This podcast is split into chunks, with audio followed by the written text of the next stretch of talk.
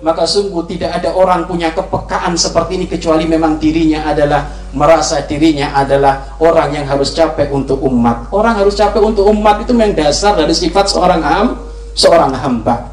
Dasar dari sifat seorang ham, seorang hamba. Maka jangan sampai kamu lupa wahai para santri, jika engkau ingin mulia, Rasa hamba ini harus kamu tularkan kepada siapa pun. Rasa hamba ini harus kamu sampaikan kepada siapa pun. Rasa hamba ini harus kamu tampakkan kepada siapa pun. Berkhidmatlah engkau kepada gurumu. Berkhidmatlah engkau kepada orang tuamu. Berkhidmatlah engkau kepada teman-temanmu. Berkhidmatlah engkau kepada umatnya baginda Nabi Muhammad sallallahu alaihi wasallam. Maka kapan kamu berkhidmat, maka engkau faham dirimu adalah seorang hamba dan sesungguhnya kalau orang berkhidmat bukan hina akan tapi hakikatnya adalah mulia mulia mulia bahkan kedudukannya akan sangat banyak. Maka tolong jangan sampai kamu antipati dalam urusan berkhidmat antipati dalam urusan capek untuk temanmu capek untuk gurumu capek untuk umatnya Nabi Muhammad. Jangan karena ini adalah wilayah istimewa. Wilayahnya Rasulullah wilayahnya para ulama wilayahnya para waliullah itu berada di wilayah khid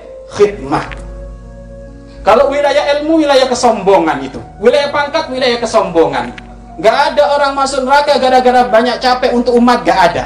Yang banyak masuk neraka adalah di saat dia banyak ilmu, ilmunya tidak diamalkan atau nuntut ilmunya keli, keliru. Tapi di saat banyak khidmat tidak. Banyak khidmat pun mungkin bisa masuk neraka kalau khidmatnya adalah keli, keliru. Niatnya keli, keliru. Akan tetapi yang banyak khidmat dia telah belajar sifat kehambaan baginda Nabi Muhammad sallallahu alaihi wasallam